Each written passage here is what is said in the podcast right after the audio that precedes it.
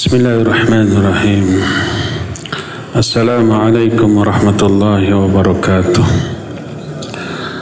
إن الحمد لله نحمده ونستعينه ونستغفره ونعوذ بالله من شرور أنفسنا وسيئات أعمالنا من يهده الله فلا مضل له ومن يضلل فلا هادي له وأشهد أن لا إله إلا الله وحده لا شريك له وأشهد أن محمدا عبده ورسوله. يا أيها الذين آمنوا اتقوا الله حق تقاته ولا تموتن إلا وأنتم مسلمون. يا أيها الناس اتقوا ربكم الذي خلقكم من نفس واحدة وخلق منها زوجها وبث منهما رجالا كثيرا ونساء واتقوا الله الذي تساءلون به والأرحام إن الله كان عليكم رقيبا يا أيها الذين آمنوا اتقوا الله وقولوا قولا سديدا. يصلح لكم أعمالكم ويغفر لكم ذنوبكم. ومن يطع الله ورسوله فقد فاز فوزا عظيما. أما بعد فإن أصدق الحديث كتاب الله وخير الهدي هدي محمد صلى الله عليه وآله وسلم وشر الأمور محدثاتها وكل محدثة بدعة وكل بدعة ضلالة وكل ضلالة في النار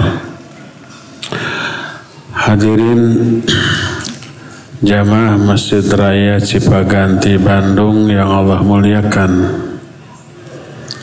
para pendengar radio Tarbiyah Sunnah Bandung baik melalui radio, streaming, Facebook ataupun YouTube di mana saja Anda berada.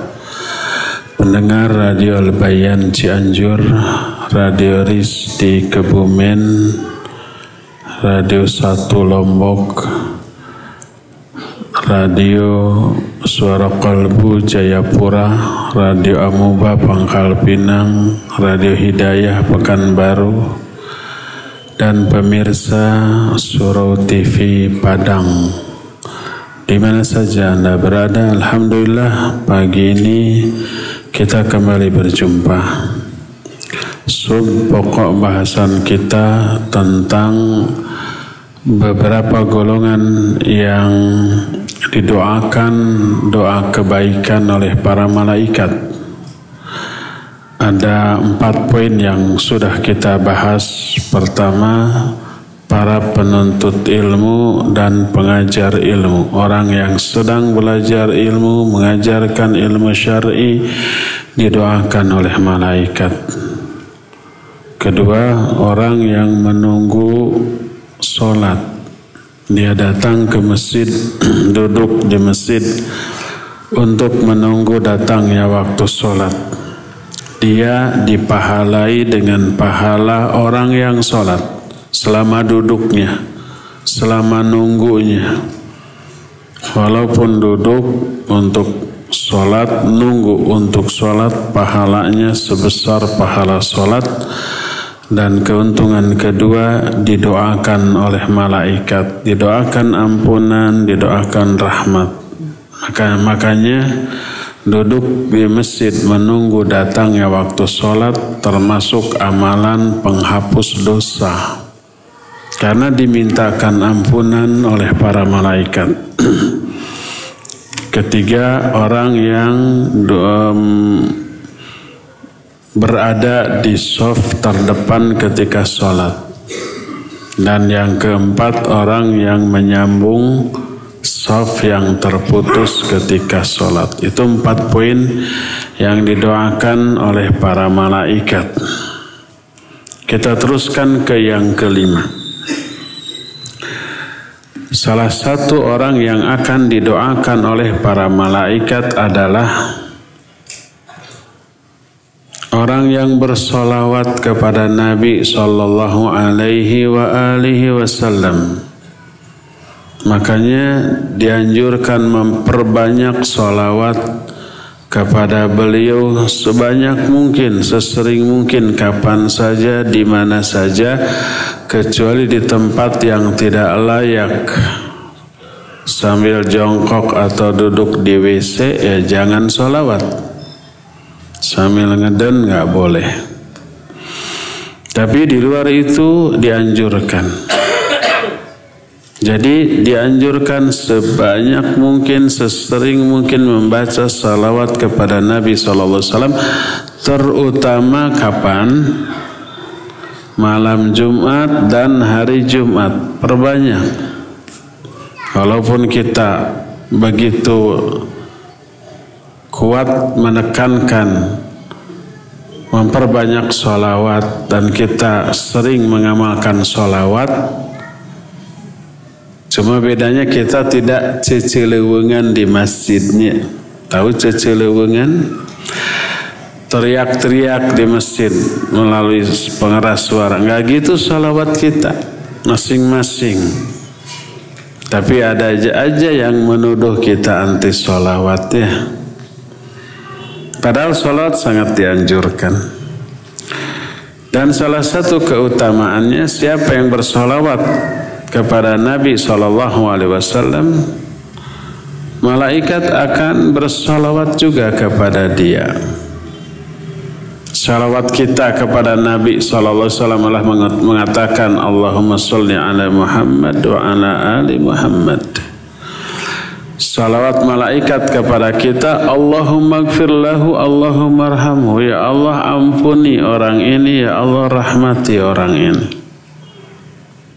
Diterangkan dalam salah satu hadis diterima dari Amir bin Rabi'ah dari Nabi sallallahu alaihi wa alihi wasallam ma min muslimin yusalli alayya illa sallat alaihi al malaikatu ma salla alayya falyuqallil al 'abdu min dhalika aw yukthir Siapa Kata Nabi SAW, tidak ada seorang pun muslim yang bersalawat kepadaku.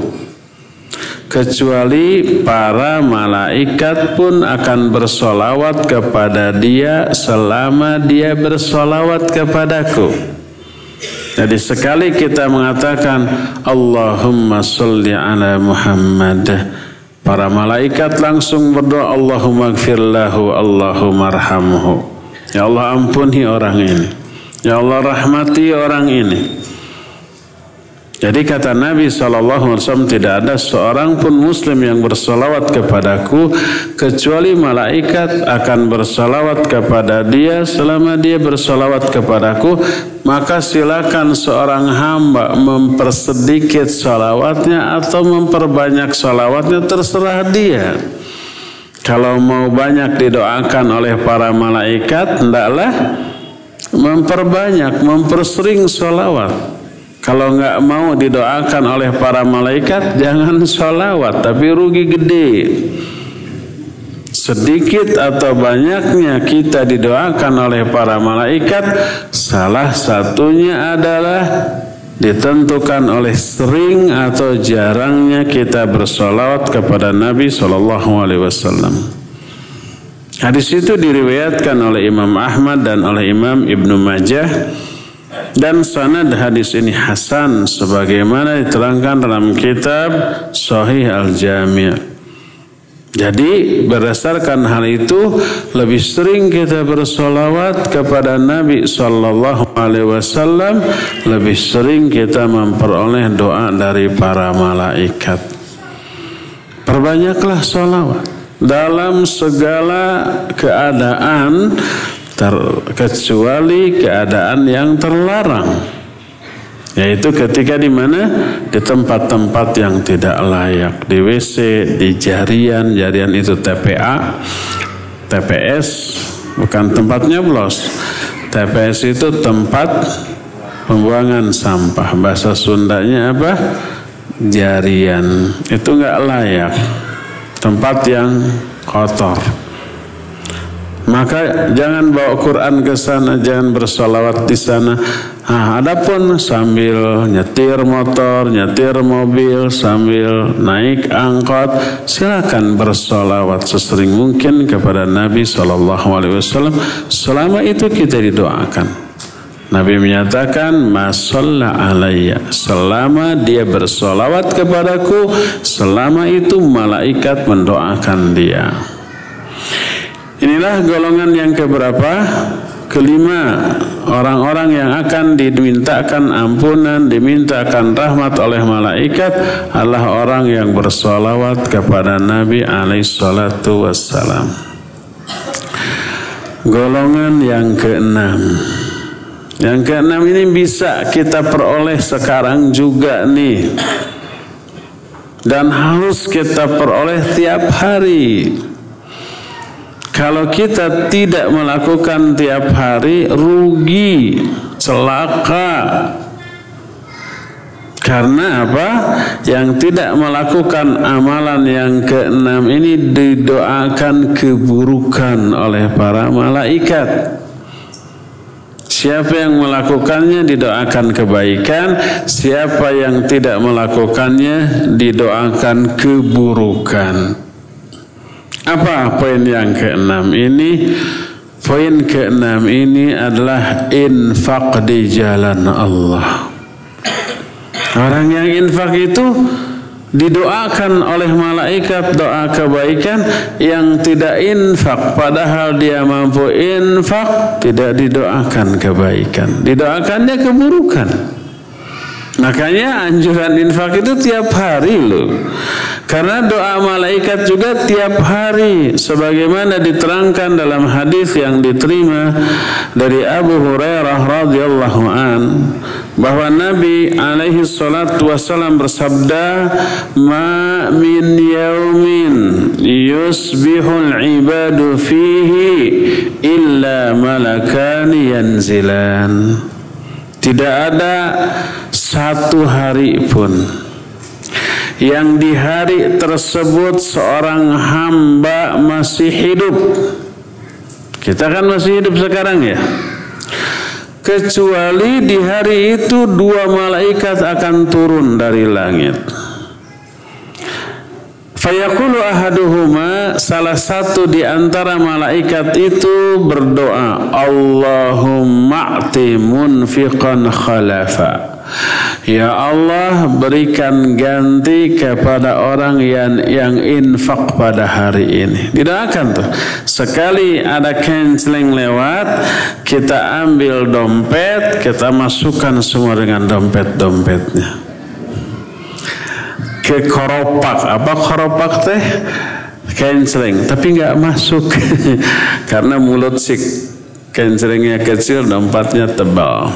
Dompetnya tebal itu penuh kartu kredit. Ngutang, ngutang melulu. Kartu ngutang. Kayak gaya ya kartu kredit. Pada itu kartu untuk ngutang. Orang yang punya kartu kredit pasti punya hutang ya. Dan hutangnya ada resiko bunga. Walaupun dibayarnya sebelum jatuh tempo tidak berbunga tapi dia sudah menyetujui kesepakatan batil siap memberi bunga bila telat. Walaupun nggak akan telat maka tetap terlarang.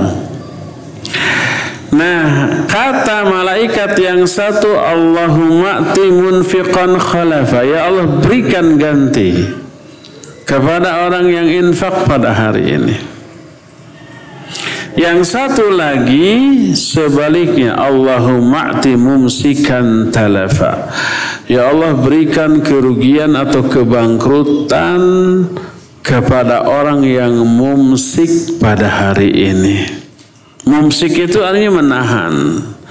Dia punya harta uang yang bisa dia infakkan tapi dia tahan, tidak dia infakkan.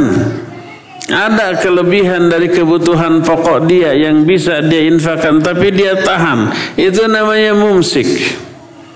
Orang yang mumsik punya uang untuk diinfakkan, disodakohkan di jalan Allah tapi tidak diinfakkan, didoakan keburukan oleh malaikat. Allahumma Allahumma ati mumsikan talafan.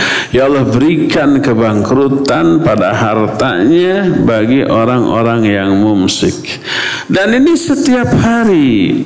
Hadis ini sahih diriwayatkan oleh Imam Bukhari dan Imam Muslim dalam Sahih Bukhari dan Sahih Muslim. Sanadnya sahih. Berdasarkan hal itulah maka orang-orang yang infak selalu didoakan oleh para malaikat. Orang yang punya kesempatan dan punya kelebihan uang untuk infak tapi tidak infak, lagi ngaji canceling lewat. Lewat begitu saja, nggak dihentikan dulu, nggak ditilang dulu. Hmm. nggak di stop dulu, nggak dibuka dulu itu dompet, karena ada kesempatan, ada kemampuan lewat begitu saja. Padahal lampu nggak hijau, Ya, ada lampu hijau. Lewat begitu saja. Musik itu didoakan oleh malaikat. Berkata Imam An-Nawawi rahimahullah ketika menerangkan hadis ini dalam kitab Syarah Sahih Muslim. Karena hadis ini diriwayatkan juga oleh Imam Muslim, disyarah oleh Imam An-Nawawi. Disyarah itu dijelaskan, ditafsirkan. Kalau kepada Al-Quran disebut tafsir Quran, kalau kepada hadis tidak disebut tafsir hadis, tapi apa? Syarah hadis. Isinya sama penjelasan. Kata Imam An-Nawawi, qala al-ulama hadha al-infaq fi ta'at wa makarim al-akhlaq wa al-'iyal wal-dhayfan.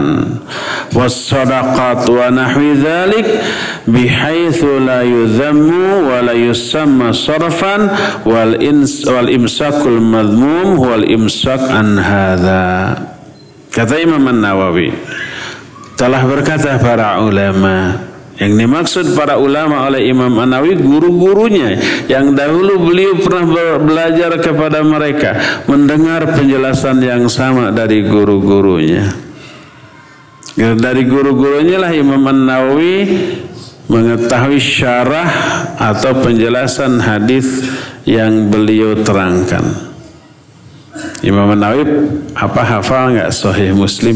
Di luar kepala dengan sanadnya bukan sekadar matannya kontensnya isinya redaksinya enggak enggak hanya itu. Dengan rawi-rawinya dengan sanadnya hafal di luar kepala itu bedanya kita dengan Imam Nawawi. Dikit. Kata beliau berkata para ulama Infak yang dimaksud dalam hadis ini infak dalam ketaatan, kemuliaan akhlak, infak kepada keluarga, kepada tamu dan sodakoh dan yang lain-lainnya selama tidak tercela dan tidak termasuk israf. Israf itu berlebih-lebihan, ya. Dan imsak yang madmum imsak atau imsak itu menahan tidak mau infak yang dianggap tercela adalah infak ah, menahan infak dari hal-hal tadi. Ada tamu tidak mau nyuguhin ada kesempatan untuk infak dan sodakoh, dia tidak infak dan tidak sodakoh. Ada keluarga, anak istri yang harus dia nafkahi, dia tidak menafkahinya walaupun dia mampu. Pelit ke istri dan anak. Konon katanya ada. Ada tipe tipikal suami dia baik dermawan suka ngasih ke orang tapi pelit dan perhitungan ke istri dan anak-anak. Padahal infak kepada istri dan anak jauh lebih besar pahalanya dibanding infak kepada yang lainnya kata Nabi SAW satu dirham yang kamu berikan kepada fakir miskin Satu dirham yang kamu berikan kepada anak yatim, satu dirham yang kamu keluarkan di jalan Allah dibanding satu dirham yang kamu berikan kepada anak istrimu, maka satu dirham kepada istri dan anak itu jauh lebih utama, lebih gede pahalanya dibandingkan infak yang lain-lain. Jadi memberi nafkah ke istri ke anak itu jangan dianggap sesuatu yang tidak bernilai, tidak berpahala. Jangan. Itu pahala infak tergede. Para ibu senang tuh. Dijelaskan demikian. Pulang dari sini bilang ke su, dengar nggak kata Ustadz tadi itu? Tambah uang belanja. Biasanya kan cuma 20 juta, sekarang minta 40. Cuma Akhirnya lebay dia ya. Melebihi daripada kebutuhan bukan hanya kebutuhan pokok kalau sampai 20 juta ya. Kebutuhan sekunder tersiernya juga melebihi itu ya. Tidak seperti itu. Kalau ada sudah ada e, mencukupi untuk istri dan anak kemudian suami masih memiliki uang lebih dorong untuk infak Dorong untuk sodakah Dorong untuk menjadi orang dermawan kepada sesama manusia. Berkata Al-Imam Ibn Hajar Beliau menjelaskan dalam kitab Fathul Bari Syarah Sahih Bukhari. Sebab di sini pun diterangkan dalam kitab Sahih Bukhari. Qala Al-Qurtubi Berkata Imam Al-Qurtubi Kata Imam Ibn Hajar وهو يعم الواجبات والمندوبات. لكن لكن الممسك عن المندوبات لا يستحق هذا الدعاء. إلا أن يغلب عليه البخل المذموم بحيث لا تطيب نفسه بإخراج الحق الذي عليه ولو أخرجه. berkata Imam Al-Qurtubi Infak yang dimaksud di sini umum mencakup infak yang wajib dan juga yang sunnah. Adapun yang sunnah dia tidak akan terkena doa keburukan dari malaikat ini kecuali tidak infaknya karena terdorong oleh sifat bakhil yang tercela dengan cara dia berkeberatan jiwanya merasa berat untuk mengeluarkan infak nah baru dia ini terkena doa itu. Berat. Walaupun dia infak infak tapi dipikirin aduh seribu seribu. Terus yang dikeluarin cuma seribu rupiah tapi rasa berat hati yang dirasakannya berkepanjangan. Aduh seribu tadi udah ke mana ya coba di, dibelikan cilok. Bisa tuh dua suap tuh katanya. Bala-bala juga sekarang seribu satu ya ada yang dua ribu satu. Tergantung ukuran dan tempat. Nah itulah orang yang didoakan oleh malaikat. Doa kebaikan yaitu orang yang apa? Yang infak di jalan Allah maka bila ada kesempatan infak dan kita memiliki kelebihan uang yang bisa kita infakkan, jangan sia-siakan. Malaikat akan mendoakan. Apa isi doanya? Doanya agar apa yang kita keluarkan diganti oleh Allah Azza wa Jalla. Sesuai dengan janji Allah, "Matsalul ladzina yunfiquna amwalahum fi sabilillah kamathali habbatin anbatat sab'a sanabil fi kulli sumbulatin mi'atu habbah." Perumpamaan orang yang infak di jalan Allah. Taubahnya seperti orang yang menanam satu benih. Dari satu benih tumbuh tujuh batang. Dari setiap satu batang melahirkan seratus benih. Satu batang seratus benih, ini ada tujuh batang. Berapa? 700 benih. Satu benih menjadi 700 benih. Satu kali infak Allah akan ganti 700 kali lipat di dunia. Di dunia. Di akhirat diganti dengan yang jauh lebih baik. Allah berfirman, "Man dzalladzi yuqridu Allah qardan hasana yudha'ifu lahu wa ajrun karim." Siapa orang yang infak Oleh Allah di sini, sini diinfakkan itu diistilahkan memberi pinjaman kepada Allah dengan pinjaman yang baik. Orang yang infak posisinya oleh Allah digambarkan seperti orang yang meminjamkan uang atau harta kepada Allah. Dan menurut aturan Allah setiap pinjaman wajib di apa? Dikembalikan. Allah mewajibkan dirinya untuk mengganti orang yang infak di jalan Allah dengan 700 kali lipat di dunia. Walahu ajrun karim dan bagi dia akan diberikan pahala yang mulia di akhirat. Man dzalladzi qardan yudha'ifu lahu wa lahu karim. Siapa orang yang memberikan pinjaman kepada Allah dengan pinjaman yang baik, Allah akan lipat gandakan diganti itu orang harta yang dia keluarkan diganti dilipat gandakan di dunia dan bagi dia di akhirat akan beroleh pahala yang mulia. Infak itu dunia akhirat. Wallahi ma naqasal mal min sadaqah. Kata Nabi SAW, demi Allah, tidak akan berkurang harta karena sodakah.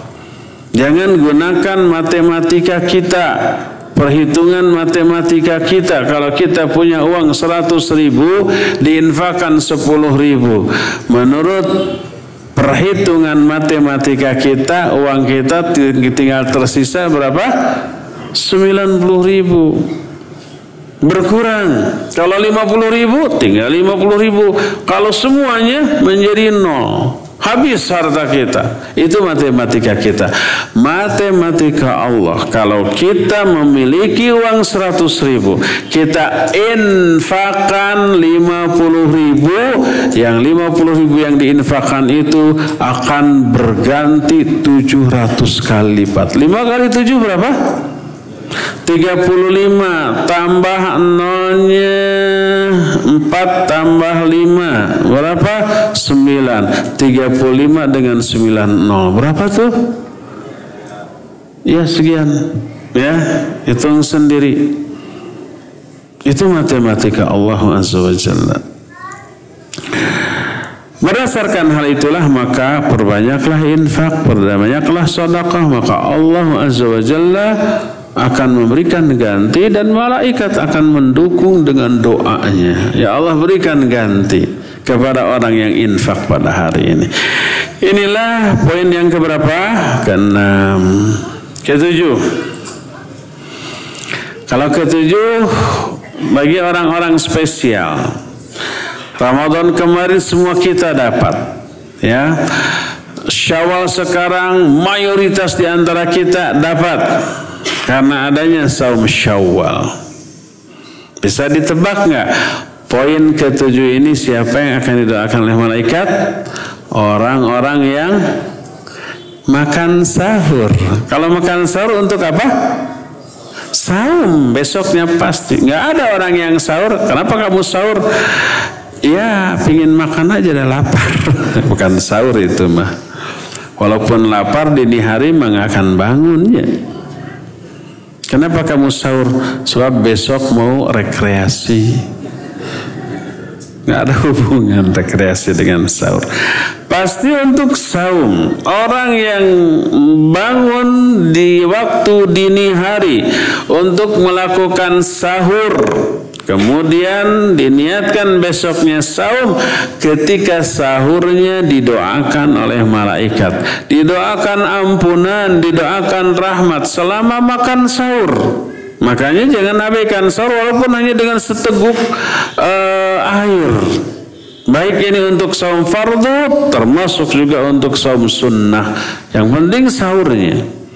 Berkata Nabi Wasallam, dalam hadis yang diterima dari Abdullah bin Umar radhiyallahu anhu, Rasul alaihi salatu wasallam bersabda, "Inna Allah wa malaikatahu yusalluna 'alal mutasahhirin." Sesungguhnya Allah dan para malaikatnya bersolawat kepada orang yang makan sahur. Bagaimana agar situasi sahur yang kita alami menyenangkan? Bayangkan hadis ini. Kita bangun untuk sahur dapat sholawat dari Allah, dapat sholawat dari malaikat. Kita sudah jelaskan makna salawat Allah kepada manusia apa? Ada yang masih ingat apa makna salawat Allah kepada manusia? Pujian Allah kepada orang itu di hadapan para malaikat. Allah memuji dia. Allah bangga kepada dia di hadapan para malaikat yang ada di sekitar di sekeliling aras. Lihat hambaku ini. Bangga Allah. Dipuji oleh Allah. Disebut namanya oleh Allah di hadapan para malaikat. Itu namanya sholawat Allah kepada manusia.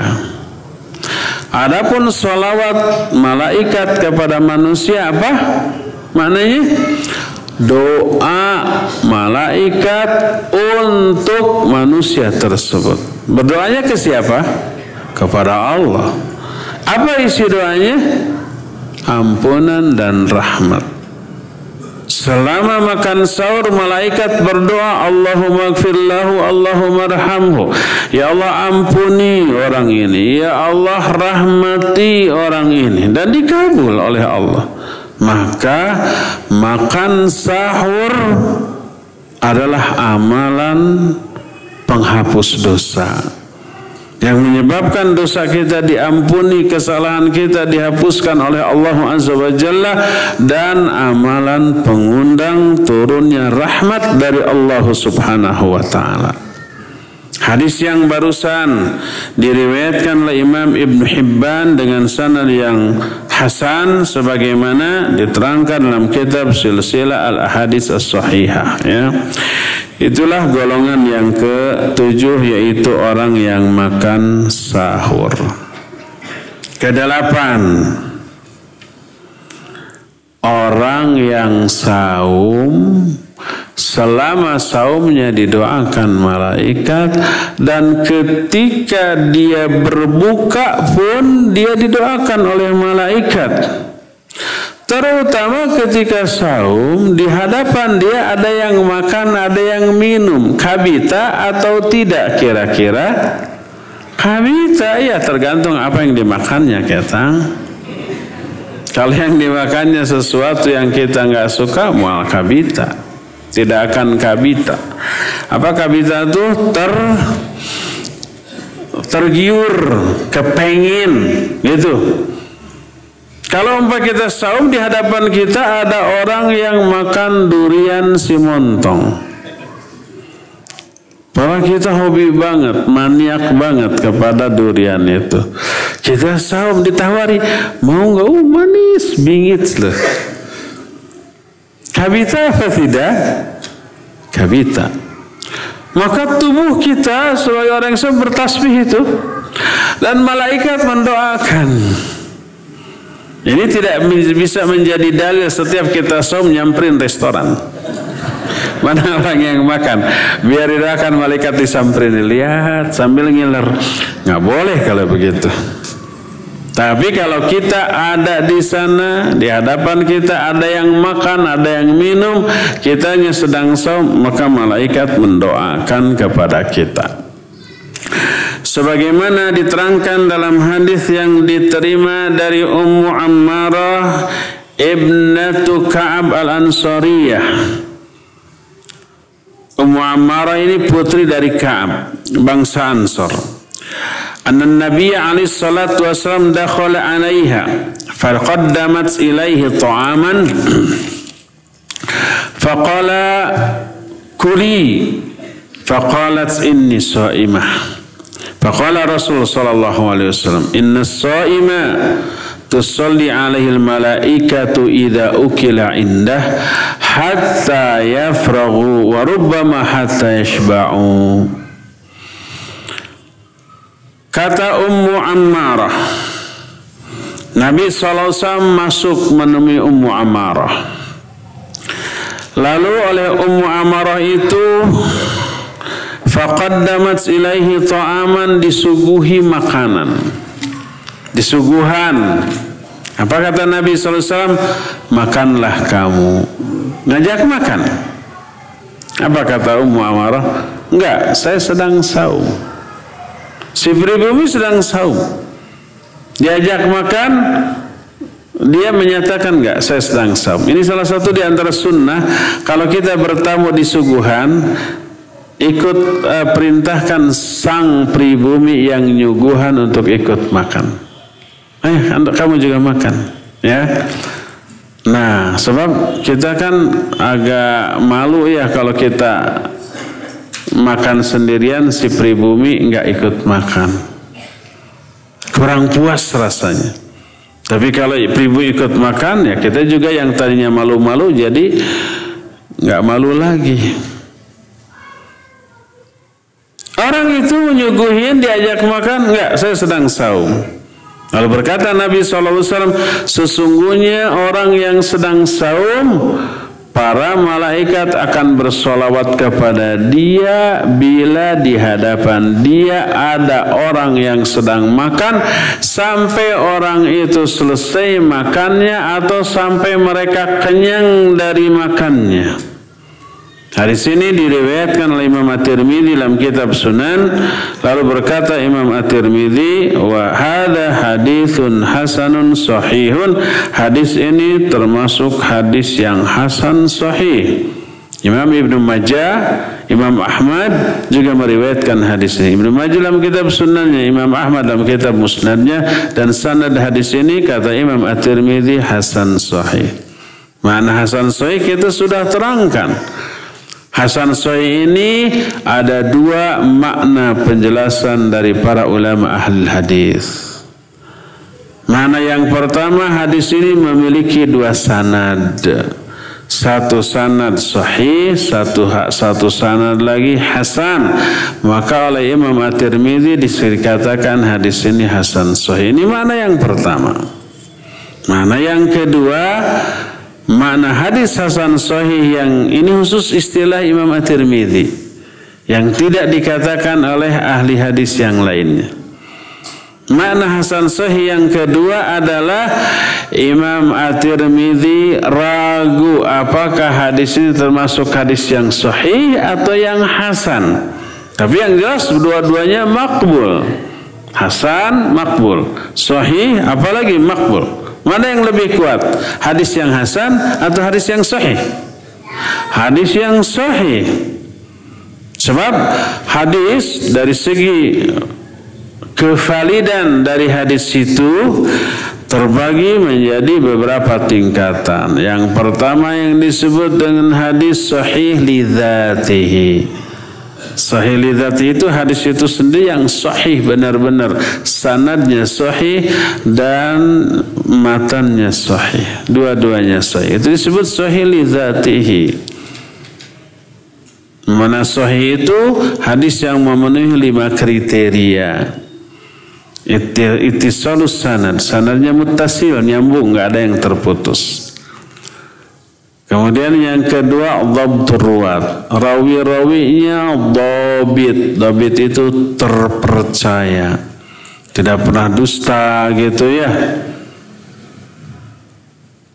Terus bukan ahlul bid'ah dan seterusnya.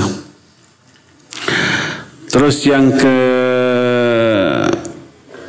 ke mana? Yang ketiga adalah turwat. Rawi-rawinya adil. Kalau dobit, afan. Dobit itu kekuatan hafalan. Tidak sayyul hifz, tidak tidak buruk hafalan, tidak pelupa. Kalau adalah adil itu artinya dia terpercaya dari segi karakter. Kredibilitasnya tinggi. Dia amanah, dia soleh, dia takwa, dia bukan pendusta, seperti itu. Kalau dhabit tentang kekuatan hafalan, kalau adalah tentang attitude-nya, tentang karakternya.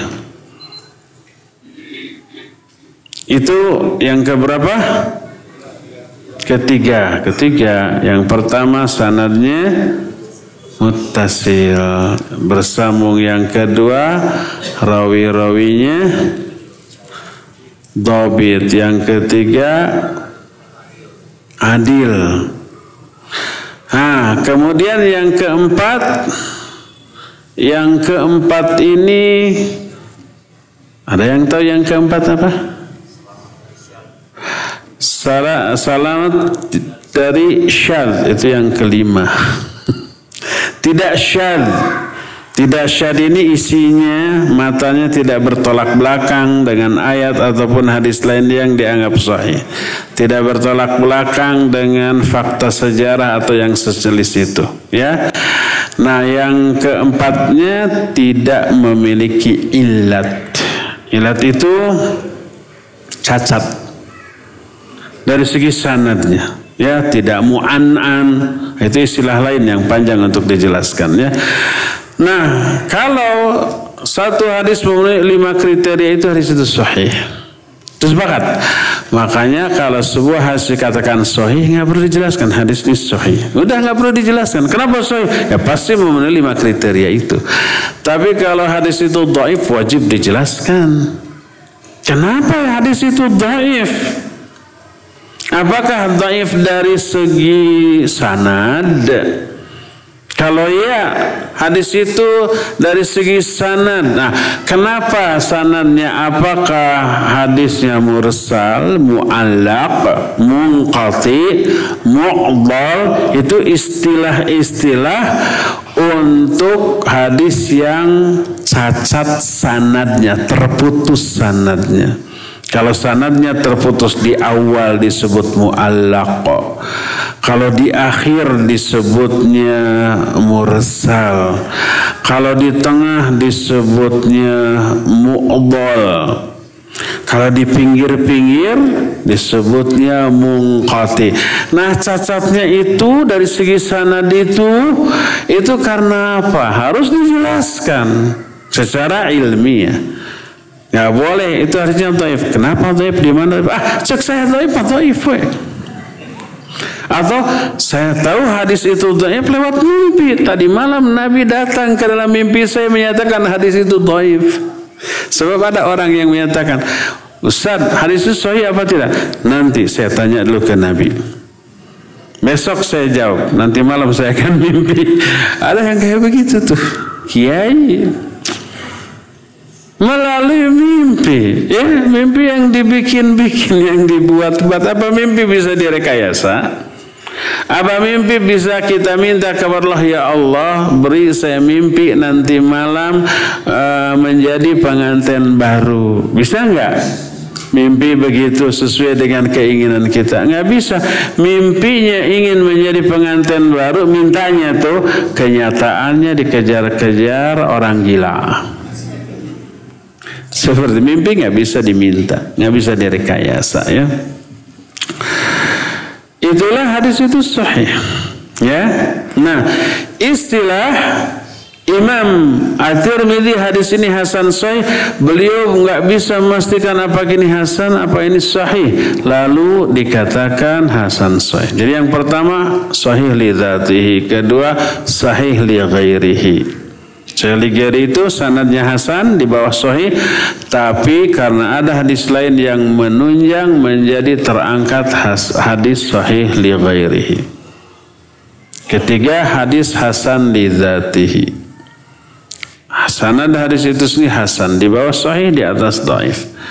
Yang keempat Hasan li ghairihi. Hadis itu dhaif sanadnya tapi terangkat terkuatkan oleh hadis-hadis lain yang semakna, terangkat menjadi hadis hasan li ghairihi. Nah, yang kelima barulah hadis dhaif ya. Hadis dhaif tidak bisa dipakai. Berdasarkan hal itulah maka Imam Hasan Imam At-Tirmidzi menyatakan hadis ini hasan sahih. Itulah golongan yang keberapa? Kedelapan. Kedelapan orang yang akan didoakan oleh para malaikat telah orang yang saum dan selama saumnya itu didoakan oleh malaikat eh, selama saumnya didoakan ampun oleh malaikat apalagi ketika ada orang yang makan di hadapan dia. Sering-seringlah saum. Kesembilan Ini jarang karena tidak tidak bisa semau kita mengamalkannya, harus ada korban. Apakah yang kesembilan ini dan apa yang dimaksud korban? Orang yang akan doakan oleh malaikat adalah orang yang melayat orang yang sakit. Cari orang yang sakit layat. Didoakan oleh malaikat. Usahakan melayatnya kalau nggak pagi, sore. Bukan terlarang di siang hari, bukan. Tapi kalau melayatnya pagi atau sore, pahalanya jauh lebih besar. Kenapa? Nah, coba kita lihat hadis berikut ini. Hadis ini diterima dari Ali bin Abi Thalib radhiyallahu an. Dia berkata, aku mendengar Nabi alaihi salatu wasallam bersabda, "Idza 'ada ar-rajulu akhahu al-muslima masha fi kharafatil jannah hatta yajlisa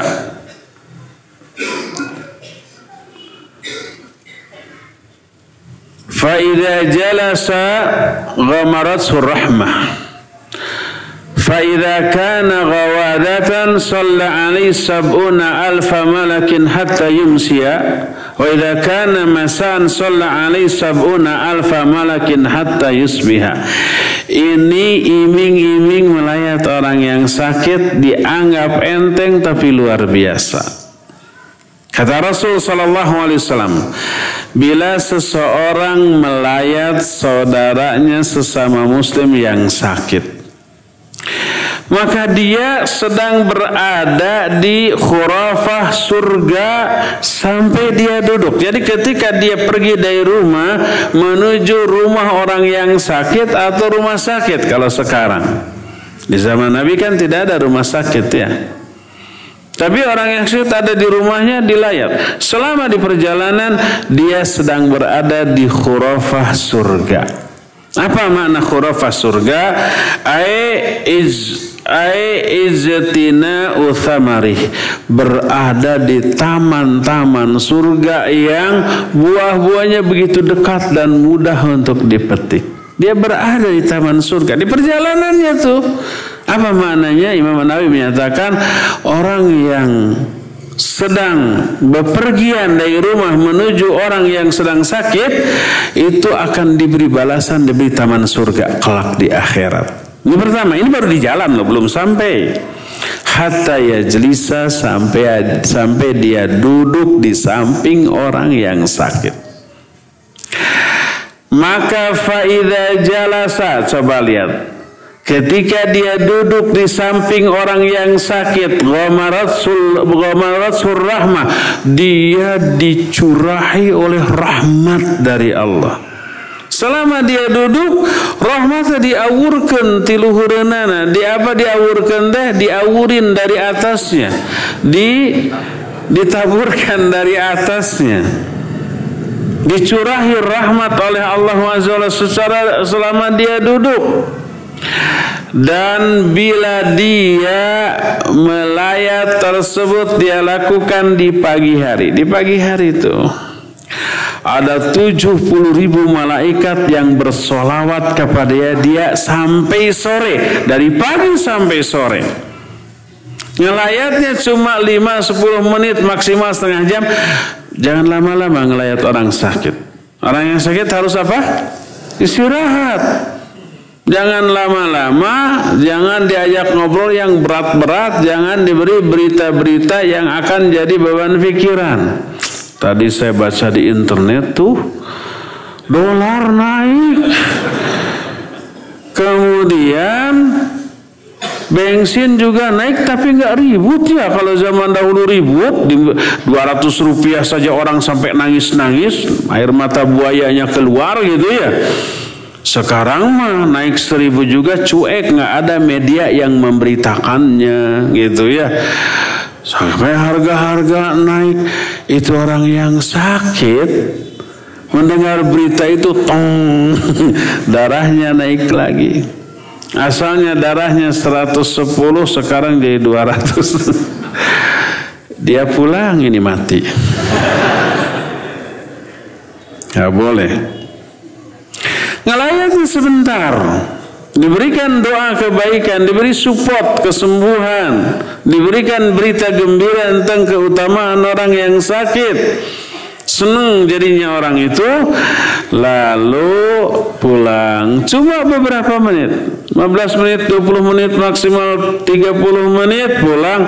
Malaikat akan bersolawat kepada dia sampai sore. Bila itu dilakukan di siang di, di pagi hari. Dan di bila dia ngelayatnya di sore hari malaikat akan bersolawat sampai pagi.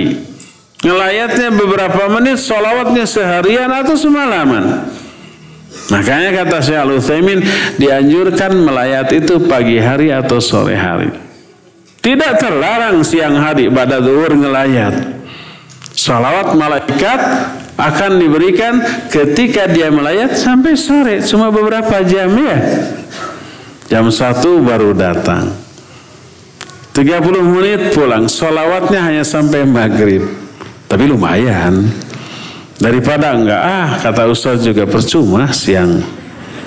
Besok ajalah pagi, besoknya sudah pulang, sudah sembuh. Ya silahkan, kalau nggak bisa pagi, nggak bisa sore, nggak apa-apa siang juga. Ya, tapi kalau pagi atau sore jauh lebih utama karena doa para malaikat lebih panjang bagi dia. Ya. Hadis tersebut diriwayatkan Imam Ahmad, Imam Abu Daud dan yang lain-lain dengan sanad yang sahih. Itulah yang kesembilan. Cari informasi orang yang sakit lalu layat. Maka selama di perjalanan sama dengan orang yang sedang berjalan di taman surga. Selama duduk, ngapain tuh? Dicurahi rahmat. Terus dia memperoleh apa? Dari pagi sampai sore atau sore sampai pagi. Memperoleh apa? Doa malaikat, solawat para malaikat, doa ampunan dan rahmat bagi orang seperti itu. Inilah kelompok yang ke sembilan. Ke sepuluh.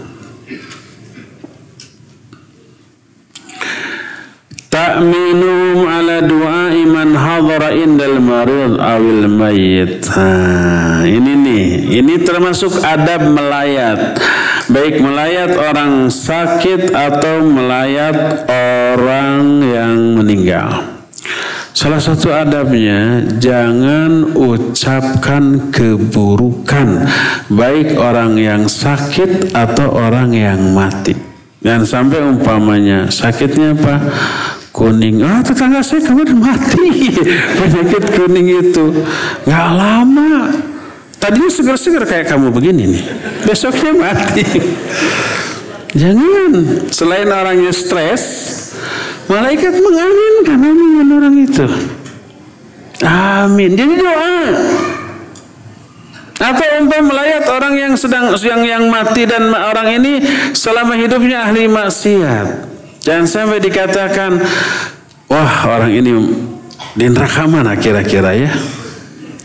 Kayaknya di alam kubur di azab itu. Itu jadi doa, diaminkan oleh malaikat. Maka kalau orang ini orang yang ahli maksiat ketika hidupnya lalu mati, jangan ungkapkan hal itu. Tapi ya semoga Allah mengampuni dosa-dosanya. Paling begitu. Nanti malaikat mengaminkan. Jangan ucapkan keburukan ketika melayat baik orang sakit ataupun orang yang yang, yang meninggal. Ya, sebagaimana diterangkan di dalam salah satu hadis yang diterima dari Ummu Salamah radhiyallahu anha Kata Ummu Salamah, Rasul sallallahu alaihi wa alihi wasallam bersabda, "Idza hadartumul marida awil mayyita faqulu khaira, fa innal malaikata yu'minuna ala ma taqulun." Kata Nabi SAW apabila kalian datang mendatangi orang yang sakit atau orang yang mati katakanlah perkataan-perkataan yang baik bagi orang yang dilayat bagi keluarga orang yang dilayat. Karena sesungguhnya para malaikat akan mengaminkan apa saja yang kalian katakan di momen seperti itu jangan sampai pas kita melayat orang yang sakit sakit parah dan orang ini umpamanya punggung keluarga, tulang punggung keluarga. Ayahnya Ada anak, ada istrinya, anaknya masih kecil, istrinya nggak punya pekerjaan. Jangan sampai mengatakan, ah kalian akan sengsara nih. Sebentar lagi bapak kalian mati, kalian nggak ada yang menafkahi gelandangan kalian. Nanti malaikat mengaminkan tuh. Jangan katakan kata-kata yang buruk. Katakanlah kata-kata yang baik, yang mengandung optimisme bagi setiap orang. Sabar, Bapak kalian sebentar lagi insya Allah sembuh dan kalian akan lebih baik lagi kondisinya setelah itu insya Allah. Malaikat mengaminkan ya. Malaikat akan mengaminkan setiap perkataan walaupun perkataan itu tidak diniatkan doa. Nah, ini banyak diungkapkan oleh orang ketika tulang punggungnya sakit, bukan tulang punggung dia. Ketika uh, kepala rumah tangganya sakit atau mati, sampai mengatakan, "Aduh, celaka sengsara kita ini kalau dia tidak sembuh-sembuh, kalau dia mati sengsara kita." Nanti malaikat akan mengaminkan. Amin. Jadi doa dikabul pada sengsara nantinya ya. Oleh karena itulah jangan katakan perkataan-perkataan yang buruk ketika melihat melayat orang yang sakit atau orang yang meninggal. Itu isyarat bukan ya? Masih lama. Kesebelas.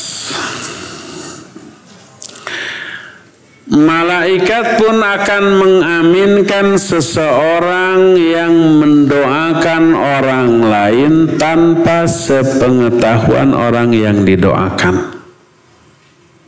Kalau kita berdoa, isi doanya mendoakan orang lain. Ya Allah, umpamanya ampuni si fulan. Ya Allah, beri rizki itu kepada si fulan saudara saya. Dia sedang kesulitan. Ya Allah beri jodoh tuh kawan saya sebab dia sudah tahunan jomblo. Malaikat mengaminkan plus mendoakan kita dengan isi doa yang sama seperti doa kita untuk saudara kita. Sebagaimana diterangkan dalam hadis yang diterima dari Abu Darda radhiyallahu anhu Berkata Rasulullah sallallahu alaihi wasallam, "Ma min muslimin yad'u li akhihi bi dhahril ghaib illa qala al malaku wa laka mithlah." Wa ma walaka mithluhu kata Rasul sallallahu alaihi wasallam Tidak ada seorang pun muslim yang mendoakan kebaikan bagi saudaranya tanpa sepengetahuan orang yang didoakan.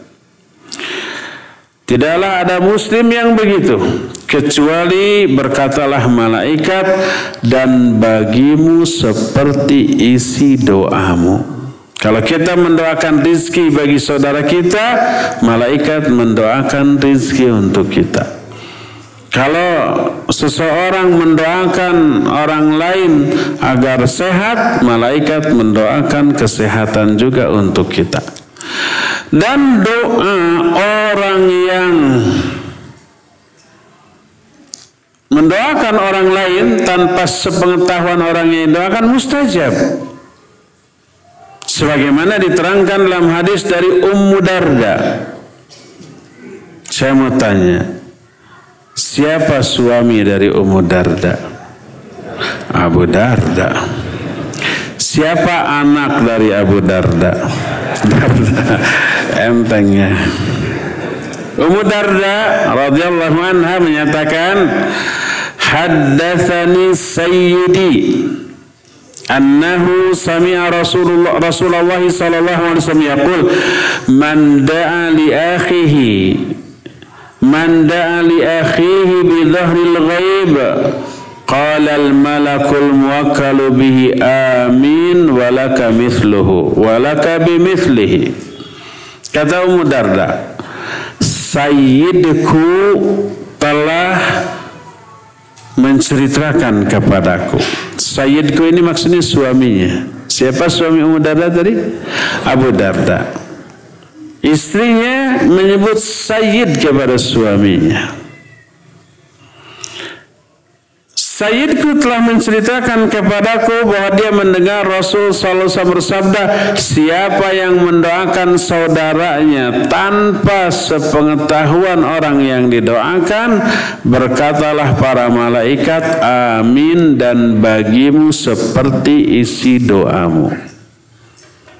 Berkata Imam An-Nawawi, hadis ini sahih riwayat Imam Muslim, oleh Imam An-Nawawi diterangkan fihi jawazu tasmiyatil mar'ah zaujaha sayyidaha wa tawqirahu. Sayyidaha wa tawqirahu.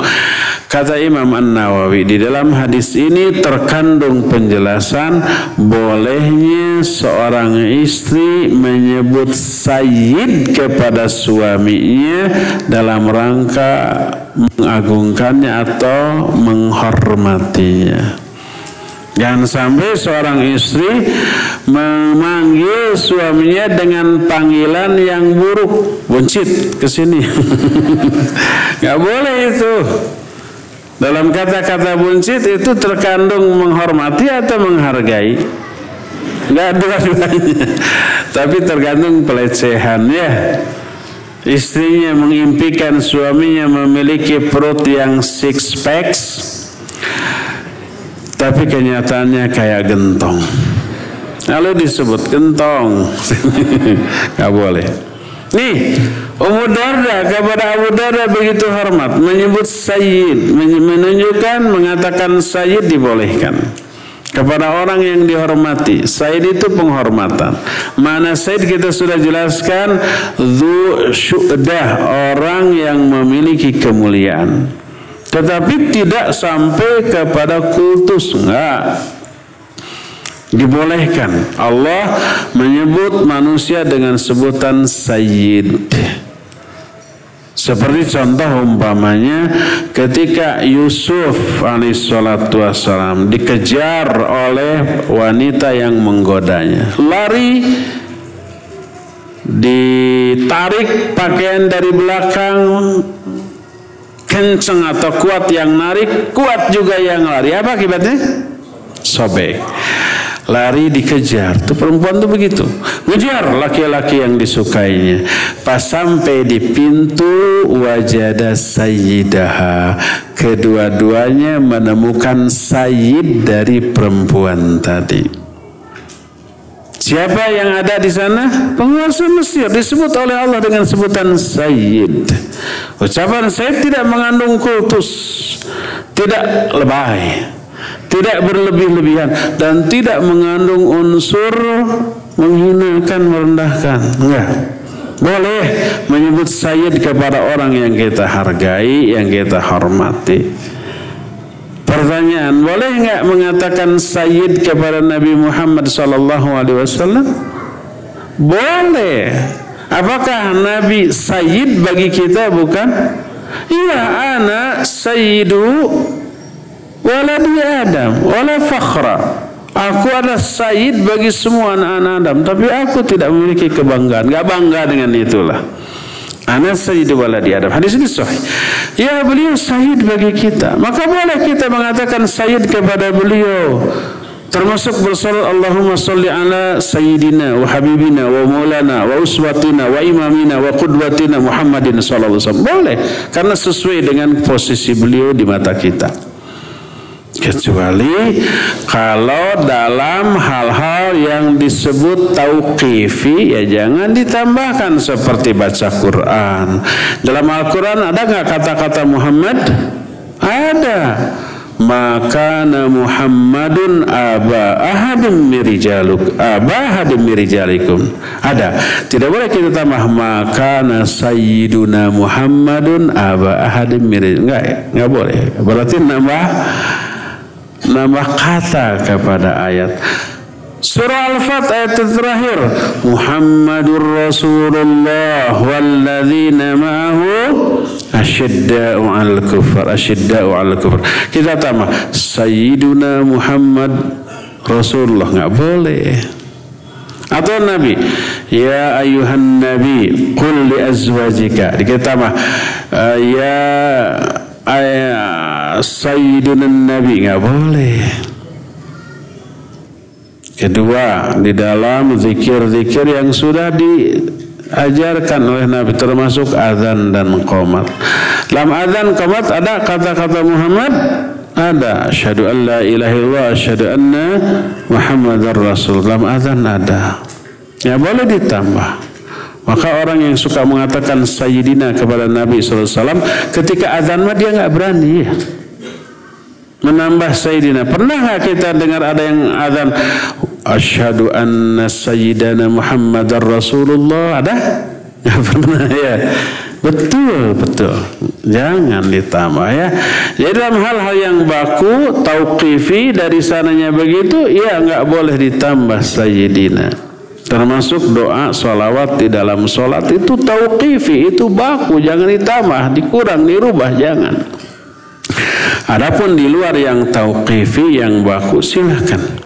Kita mengatakan semoga Allah melimpahkan salawat dan salam kepada Sayyidina Habibina Maulana Imamina Qudwatina Uswakit Uswakit Uswatina Muhammad SAW boleh ya karena tidak mengandung pengagungan yang berlebih-lebihan dan tidak mengandung penghinaan atau merendahkan derajat Nabi dari yang semestinya. Itulah yang keberapa? Kesebelas malaikat mengaminkan orang yang mendoakan kebaikan bagi orang lain tanpa sepengetahuan orang yang didoakan.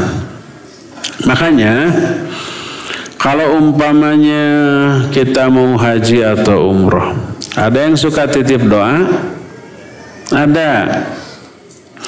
Pulang dari sana yang titip doa jangan bertanya, kamu doain saya enggak?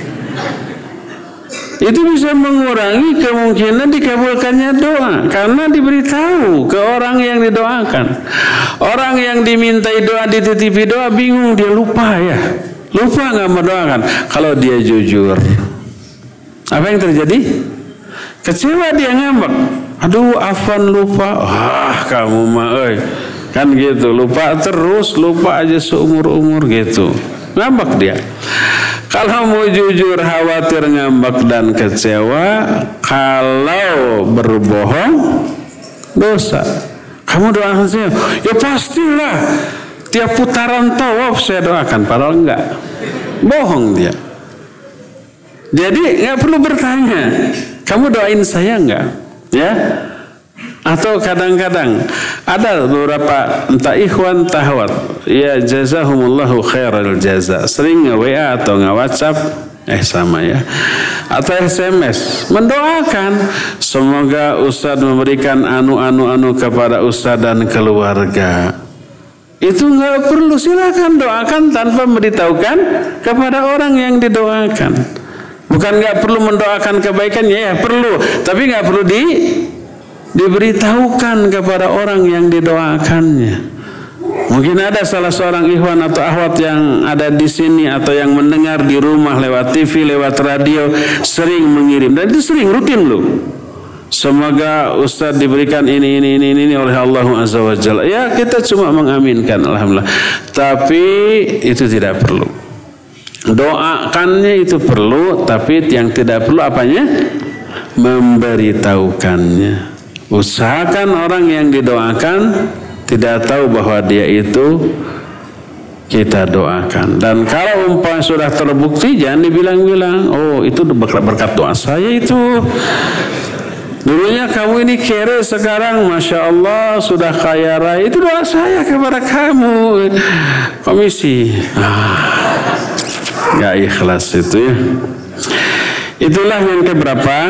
Ke sebelas ke-12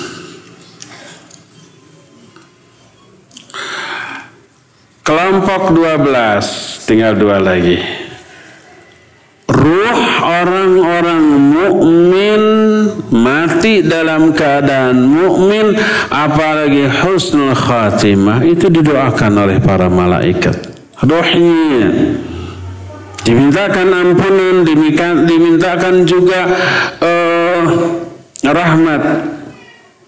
Kalau dia matinya sebagai seorang mumin terlebih orang itu husnul khatimah. Lagi ibadah dia mati. Lagi sujud, lagi sholat, lagi saum, lagi ngaji kayak begini, atau berangkat ngaji atau pulang ngaji. Selama orang itu berangkat dari rumah ke pengajian, dia sedang berada di jalan Allah sampai dia kembali. Tapi nggak boleh ini direkayasa mumpung di jalan Allah juga ditabrakin, nggak boleh. Biar matinya syahid, nggak nggak boleh itu konyol bukan syahid. Nah, ruh orang yang mati sebagai seorang mukmin didoakan oleh para malaikat sebagaimana diterangkan dari dalam hadis riwayat Abu Hurairah radhiyallahu an. Dia berkata Nabi Ali salatu wasallam bersabda idza kharajat ruhul mu'min talaqaha malak talaqaha malakan yas'udaniha.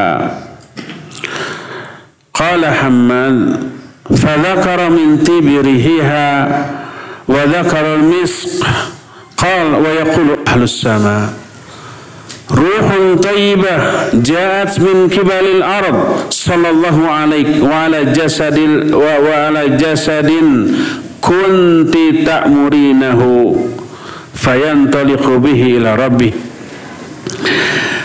Bismillah, Assalamualaikum warahmatullahi wabarakatuh Waalaikumsalam warahmatullahi Ustaz, apakah makruh Hukumnya memanggil istri dengan dek Atau sebaliknya istri memanggil suaminya bang atau aa boleh nggak apa-apa ya. Yang penting tidak ada unsur melecehkan. Kalau yang mubah yang biasa apalagi yang mengandung unsur uh, memuliakan menghormati atau uh, ungkapan kecintaan seperti yayang darling pujaan hatiku bebek. Eh bebek apa artinya? Dibolehkan ya.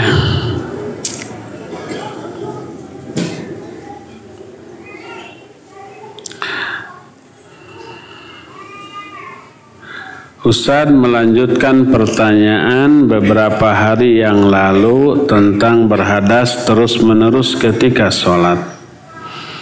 Satu, jika saya telah selesai sholat di awal waktu berjamaah dalam kondisi terus-menerus berhadas, jika beberapa jam setelahnya perut saya membaik, apakah saya wajib mengulang sholat saya yang sudah saya laksanakan sebelumnya? Tidak, sudah sah. Tidak harus diulang walaupun setelah itu baik tidak keluar lagi gasnya. Namun ketika mau mengulang pun perut saya terkadang kembali masalah. Nah gitu. Jadi nggak perlu. Sebagai catatan, bau dan suaranya beneran terasa. nggak perlu dicatat itu malah. Sudah nggak perlu.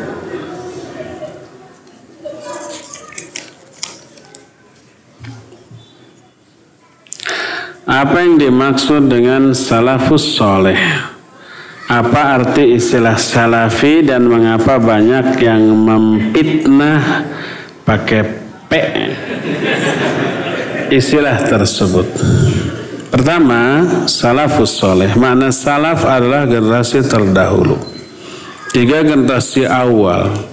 Sahabat, tabi'in, dan tabi'un tabi'in. Itu yang disebut generasi salafus soleh, generasi salaf.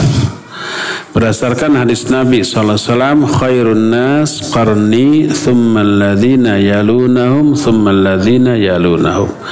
Sebaik-baik generasi adalah generasi aku, yaitu para sahabat kemudian generasi berikutnya, kemudian generasi berikutnya. Dan jadi Nabi hanya menyebut tiga generasi, generasi sahabat, tabiin dan tabiut tabiin sebagai tiga generasi terbaik.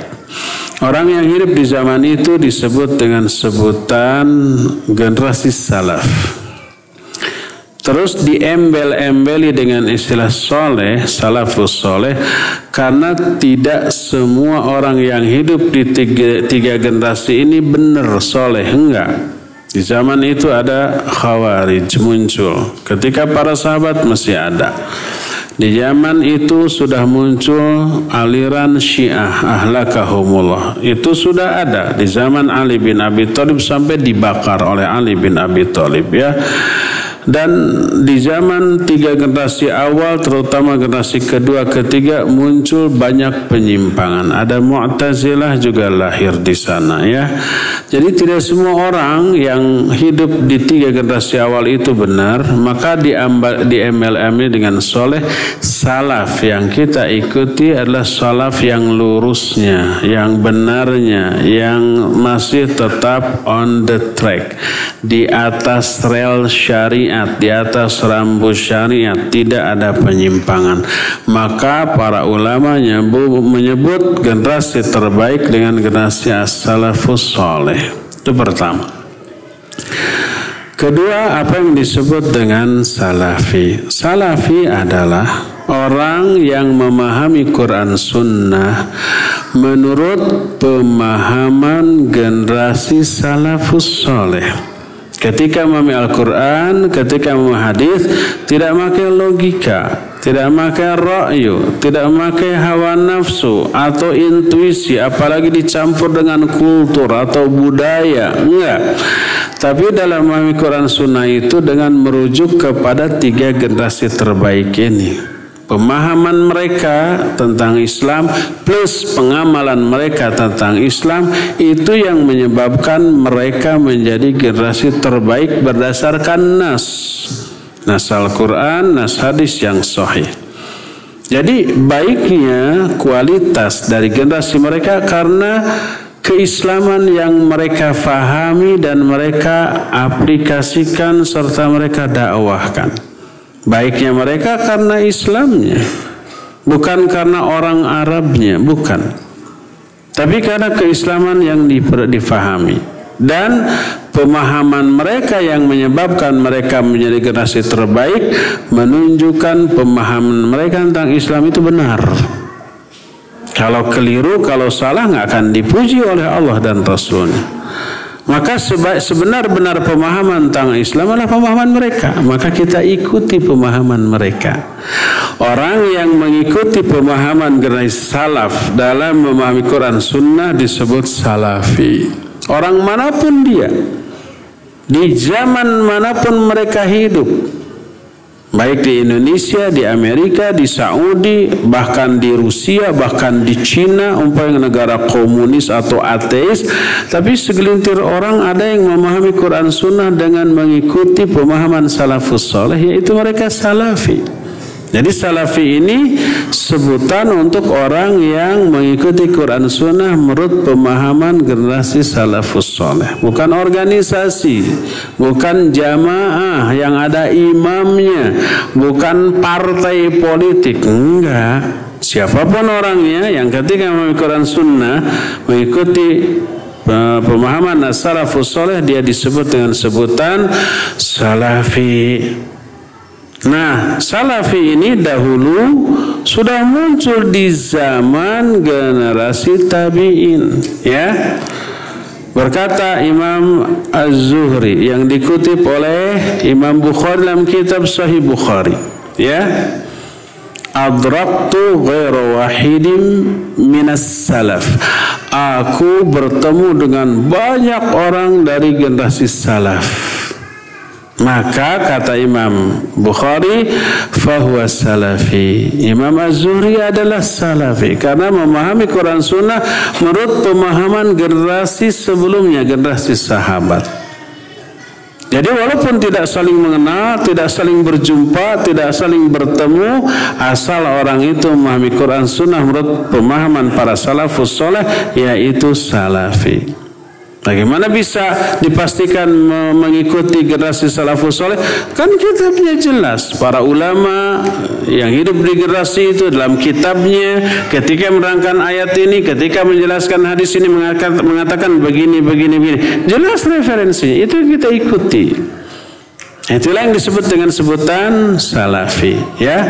Sekarang bagaimana kalau orang tidak mau menjadi salafi? Berarti orang itu tidak mau memahami Quran Sunnah menurut generasi salafus soleh, pemahaman salafus soleh enggak. Mungkin dia inginnya pakai ro'yu atau mengikuti uh, aliran liberal, pakai uh, logika, pakai filsafat, pakai tradisi, kultur, budaya, kebiasaan, adat. Ah, itu yang dijadikan alat untuk memahami Quran Sunnah maka keliru. Kalau pemahaman para sahabat, para tabiin, tabiin, tabiin mah dijamin oleh nas, oleh hadis yang sahih.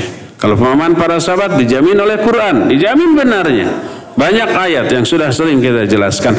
Kalau selain mereka nggak ada jaminan. Kalau orang anti salafi berarti anti mengikuti Quran Sunnah menurut pemahaman salafus soleh. Berarti orang itu anti menggunakan pendapat para ulama salafus soleh ketika membahas Al-Quran Sunnah. Pinginnya oleh ro'yunya. Pinginnya mengikuti generasi terkemudian. Mana yang lebih terjamin kebenarannya? Tentu saja generasi awal yang dipuji oleh Allah dan Rasulnya ya. Kenapa kemudian istilah ini difitnah? Karena banyak orang yang tak faham. Ada yang menyatakan salafi ini baju baru dari wahabi. Mana yang lebih dahulu salafi atau wahabi? Salafi lebih dahulu para ulama zaman bahala sudah menggunakan istilah itu. Wahabi zaman kiwarinya. Tapi ada orang yang dianggap berilmu menyatakan Salafi baju baru dari Wahabi. Artinya Wahabi lebih dahulu lalu Salafi terkemudian. Ini orang keliru. Mungkin lupa, mungkin lalai, mungkin terkondisi oleh keadaan jamaahnya ya. Ah, seperti itu. Itu keliru. Itu karena ketidaktahuan, karena kebodohan terhadap fakta sejarah dan nas Al-Quran dan nas sunnah tentang hal itu. Makanya mereka menjadikan pemahaman salafus soleh atau sebutan salafi sebagai sebuah momok yang menakutkan. Yang dianggap sesat keliru. Itu karena kebodohan mereka. Wallahu a'lam bishawab.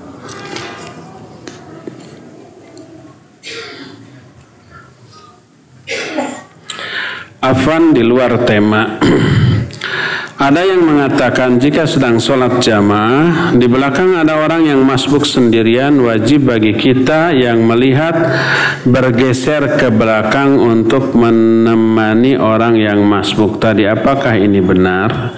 Kalau wajib tidak, tapi begitulah selayaknya karena makmum harus sejajar dengan makmum ya. Kalau imam satu di, depan terus ada dua makmum ya di belakangnya. Kalau satu tadinya berdua ngarendeng apa ngarendeng teh?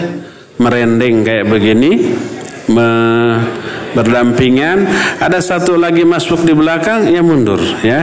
Agar sejajar bergerak mundur dalam kondisi seperti itu dibolehkan bahkan disunnahkan karena sunnahnya memposisikan makmum di belakang imam.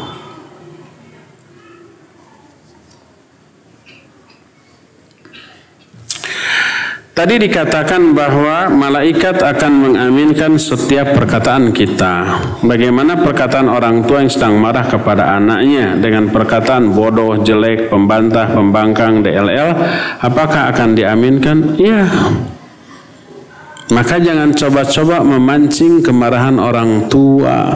Tahu orang tua ini awam, bodoh, gak bisa ngontrol emosi. Kita pancing agar marah. Akhirnya keluar tuh doa-doa kejelekan. Kena nggak? Kena. Walaupun mungkin anaknya anak soleh. Ingat nggak kisah Jurej? Jurej itu seorang hamba ahli ibadah. Seorang rahib, ibadah terus. Punya ibu. Dan dia berbakti kepada ibunya. Suatu saat ibunya manggil Jurej sedang sholat sunnah. Jurej, Jurej, tenembalan. Dia bimbang. Rabbi, ummi au sholat. Ya Allah, ibuku atau sholatku? Dia istihad. Akhirnya dia melanjutkan sholatnya. Pada sholat sunnah dengan asumsi sholat itu menunaikan hak Allah dan hak Allah harus didahulukan daripada hak ibu. Padahal yang dimaksud hak Allah itu sholat wajib bukan sholat sunnah. Memenuhi panggilan ibu hukumnya wajib itu sholat itu sholat sunnah. Sampai ibu jengkel. Menurut kita salah apa tidak itu jurej? Menurut pandangan kita enggak karena sedang sedang sholat. Ibunya jengkel lalu berdoa, Ya Allah jangan kau matikan jurej. Sebelum dia melihat wajah perempuan pezina. Dikabul nggak doanya? Dikabul. Bukan sekedar melihat perempuan pezina. Kalau melihatnya saja mungkin nggak begitu parah ya. Apalagi nggak sengaja gitu langsung dipalingkan lagi. Ini malah difitnah. Datang perempuan bunting ngaku-ngaku. Ini anak curej, anak curej. Bayangkan, ada yang ngaku gitu, jurej nggak merasa. Seribu kata dia membantah, ada pengakuan dari perempuannya. Gimana? Padahal itu fitnah ya. Dan orang mudah termakan oleh isu oleh hoax. Seperti itu. Marah orang-orang ini ahli ibadah tapi mesum. Hancurkanlah tempat ibadahnya. Jurejnya babak belur. Jurej sudah membantah gimana lagi? Atau dia ngaku ya. Walaupun dia tidak bersalah. Sampai dia melahirkan setelah dimalahirkan, dipijit perutnya, lalu ditanya, Man abuka, siapa bapakmu? Eh, si bayi yang masih merah, baru borojo, mungkin udahnya juga masih belum dipotong. Dia menjawab, Bapak saya, Abi inna abi ra'in. Bapakku itu seorang pengembala. Ngomong dia. Barulah terbuka rahasia fitnah yang selama ini terpendam terbongkar.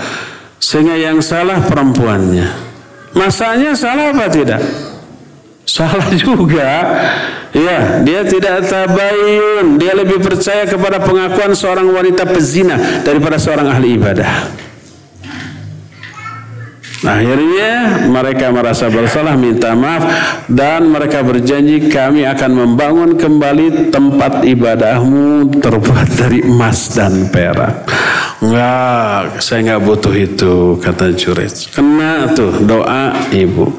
Maka kalau tahu ibu itu kurang kontrol dalam ucapan, jangan memancing emosi ibu untuk mendoakan kebodohan. Ya, senangkan ibu berbuat baiklah kepada ibu. Mumpung masih ada. Ustaz. Ya. Kalau ada doa minta perlindungan dari godaan syaitan, apa ad, ada tidak minta didoakan oleh malaikat?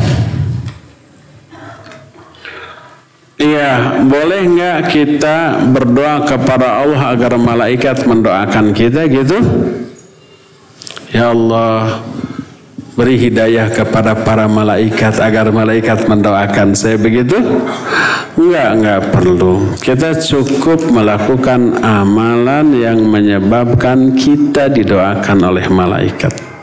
Laksanakan 13 amalan yang tadi. Itu cukup. Tanpa harus berdoa otomatis malaikat akan mendoakan kita Bagaimana hukumnya jika kita berinfak atau sedekah dengan uang hasil pinjaman? Pinjam. Pinjam ya. Pertama, membayar hutang hukumnya wajib, berinfak dan bersedekah hukumnya sunnah. Maka tidak boleh pinjam dulu seratus ribu saya mau infak, nggak boleh. Kalau saat itu nggak punya ya sudah, kita tidak dituntut untuk melakukan sesuatu di luar kemampuan kita ya. Berhutang untuk itu tidak boleh. Berhutang itu hanya dibolehkan dalam kondisi darurat. Kalau nggak ada makanan nggak ada minuman anak istri kelaparan boleh pinjam. Tapi kalau pinjam untuk infak nggak boleh ya. Cukup seadanya. Nanti kalau upah kita uh, punya baru infak. Kalau nggak punya jangan memaksakan pinjam Didahulukan mana bayar zakat atau bayar hutang? Bayar hutang. Setelah hutang dibayar, uang yang ada masih sampai pada nisab yang harus dizakati, keluarkan zakat. Dua-duanya.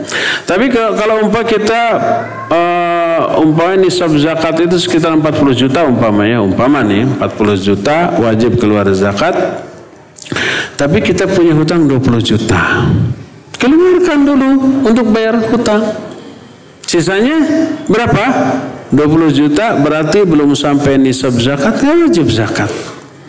Jadi zakat itu baru dikeluarkan setelah uang yang kita miliki murni 100% milik kita di tangan kita. Gak ada lagi hutang. Kalau ada hutang bayarin dulu. Setelah bayar hutang semua lunas, ini masih wajib zakat keluar.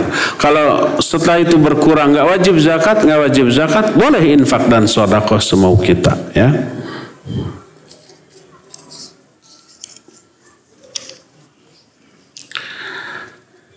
Apakah tobat harus selalu dengan sholat? Enggak, enggak harus. Maka tidak ada syarat tobat telah melakukan sholat tobat, enggak ada. Tujuh syarat tobat naswa sering yang kita jelaskan. Apakah tobat nasuha bisa sebatas doa biasa tanpa sholat tobat? Enggak cukup dengan doa ada tujuh syarat. Pertama berhenti dari dosa itu. Kedua menyesal. Ketiga bertekad tidak mengulang kembali. Keempat, bila dosa itu berkaitan dengan hak orang lain, kembalikan hak itu. Nyuri barangnya, kembalikan barangnya. Pernah menghina dia, minta maaf kepada dia ya. Kelima, lakukan sebelum sakaratul maut. Keenam, lakukan sebelum matahari terbit dari sebelah dari sebelah barat. Sekarang masih dari timur, masih terbuka. Dan terakhir ketujuh wajib ikhlas karena Allah bukan karena tobat politik. Kalau saya nggak tobat sekarang babak belur, pura-pura tobat. Umat Islam sedang gawat-gawatnya, lalu masuk Islam. Biar selamat dulu. Tapi nanti jahat lagi kalau kondisi memungkinkan. Saya baru tobat dari berjudi, saya berhenti dari judi. Asal saya sumbang se se sebulan 10 juta. Karena penghasilan judi saya 10 juta. Kalau enggak, saya tetap judi. Akhirnya ada orang, oke okay, saya tunjang kamu 10 juta. Berhenti dia di judi. Itu bukan tobat, karena bukan karena Allah. Tapi karena dunia ya.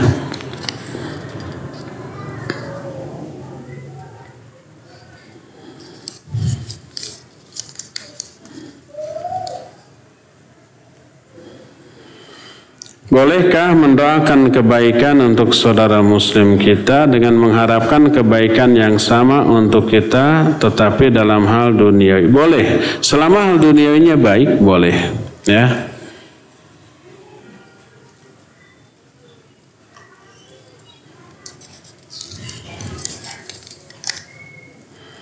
Contohnya mendoakan agar dagangan orang lain laku dan laris. Agar dagangan kita pun laris. Boleh ya boleh. Saya punya teman-teman yang masih main game musik dan merokok. Tapi berapa masih awam dalam agama? Saya masih suka ngumpul dengan mereka sambil berdakwah sedikit-sedikit jika ada kesempatan. Hukumnya apa? Masih ngumpul-ngumpul sama mereka.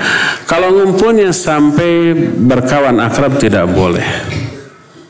Karena walaupun niat kita mendakwahi, lama-lama kita yang terbawa kebiasaan mereka. Boleh bergaul dengan mereka sebatas mendakwahi ya, tapi setiap ada acara mereka ngumpul kita ikut. Ya bagian dari mereka berarti kita. Nggak boleh seperti itu. Ad-dinu ala al-maru ala dini khalili falyanzur ahadukum may khalil. Seseorang agamanya dipengaruhi oleh agama kawannya baik pemahaman ataupun pengamalan, maka hendaklah setiap kalian memperhatikan dengan siapa kalian berkawan. Jadi tidak boleh menjadikan mereka sahabat. As-sahib sahib. Sahabat itu menyeret kita kepada karakter buruk mereka, ya. Kalau berkarakter dengan yang buruk kita terbawa buruk, kalau bersahabat dengan yang karakternya baik kita akan terbawa baik. As-sahib sahib. Bersahabat hanya dengan orang-orang baik. Adapun orang-orang yang buruk bukan bersahabat sekedar muamalah sementara sesuai dengan kepentingan kita seketika itu. Muamalahnya jual beli sebatas jual beli sudah. Di tengah jual belinya kita selipkan dakwah ya, ya. Bukankah kita wajib dakwah kepada mereka? Iya, dakwah tidak harus sampai bersahabat dekat. Nanti kalau bersahabat dekat malah kita yang terbawa oleh mereka.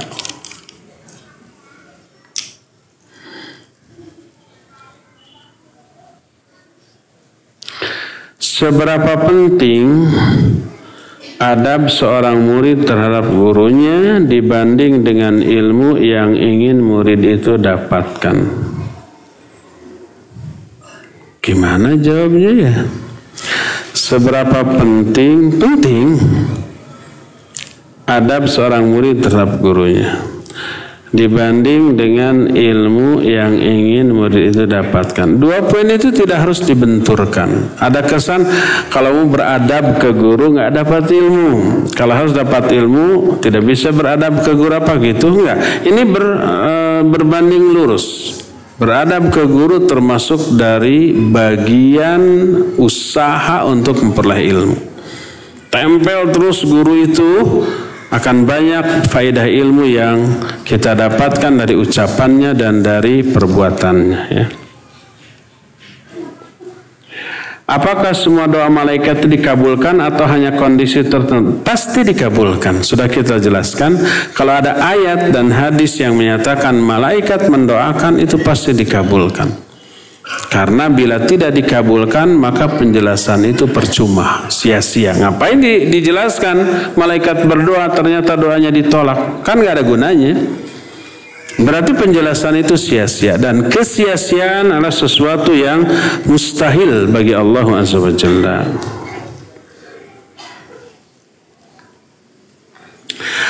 Apakah ongkos yang kita lakukan untuk bersilaturahmi bisa dianggap pinjaman yang baik untuk Allah? Iya. Semua pengeluaran yang kita keluarkan untuk ibadah nggak akan sia-sia di mata Allah Azza wa Jalla. Sampai zaman bahula, zaman bahula kan nggak ada motor, nggak ada mobil, nggak harus keluar ongkos gitu kan? Saya nggak nggak tahu dulu apakah dulu ada ojek uh, kuda ada taksi delman kayaknya nggak ada ya tapi Nabi menjelaskan bahwa kotoran yang dikeluarkan dari binatang yang dipakai di jalan Allah Azza wa Jalla itu akan melahirkan pahala dan menghapus dosa sampai debu-debu yang diterbangkan oleh kuda yang berjalan atau berlari ketika di jalan Allah itu menghasilkan pahala. Apalagi kalau kita keluar uang, keluar uang untuk ngaji, keluar uang untuk silaturahmi, keluar uang untuk ngelayat orang yang sakit. Semua pengorbanan itu nggak sia-sia di mata Allah. Ada perhitungannya ya, dan ada balasannya dunia sampai akhirat.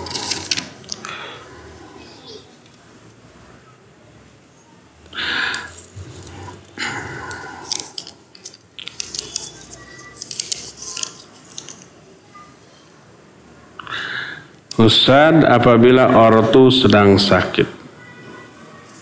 Udah cuma segitu. Gak ada pertanyaan. Berita juga bukan.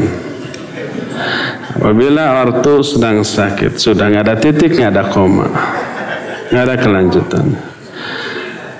Ya kita doakan semoga cepat sembuh anaknya, urus tuh orang tuanya dan sabar dan ikut mendoakannya.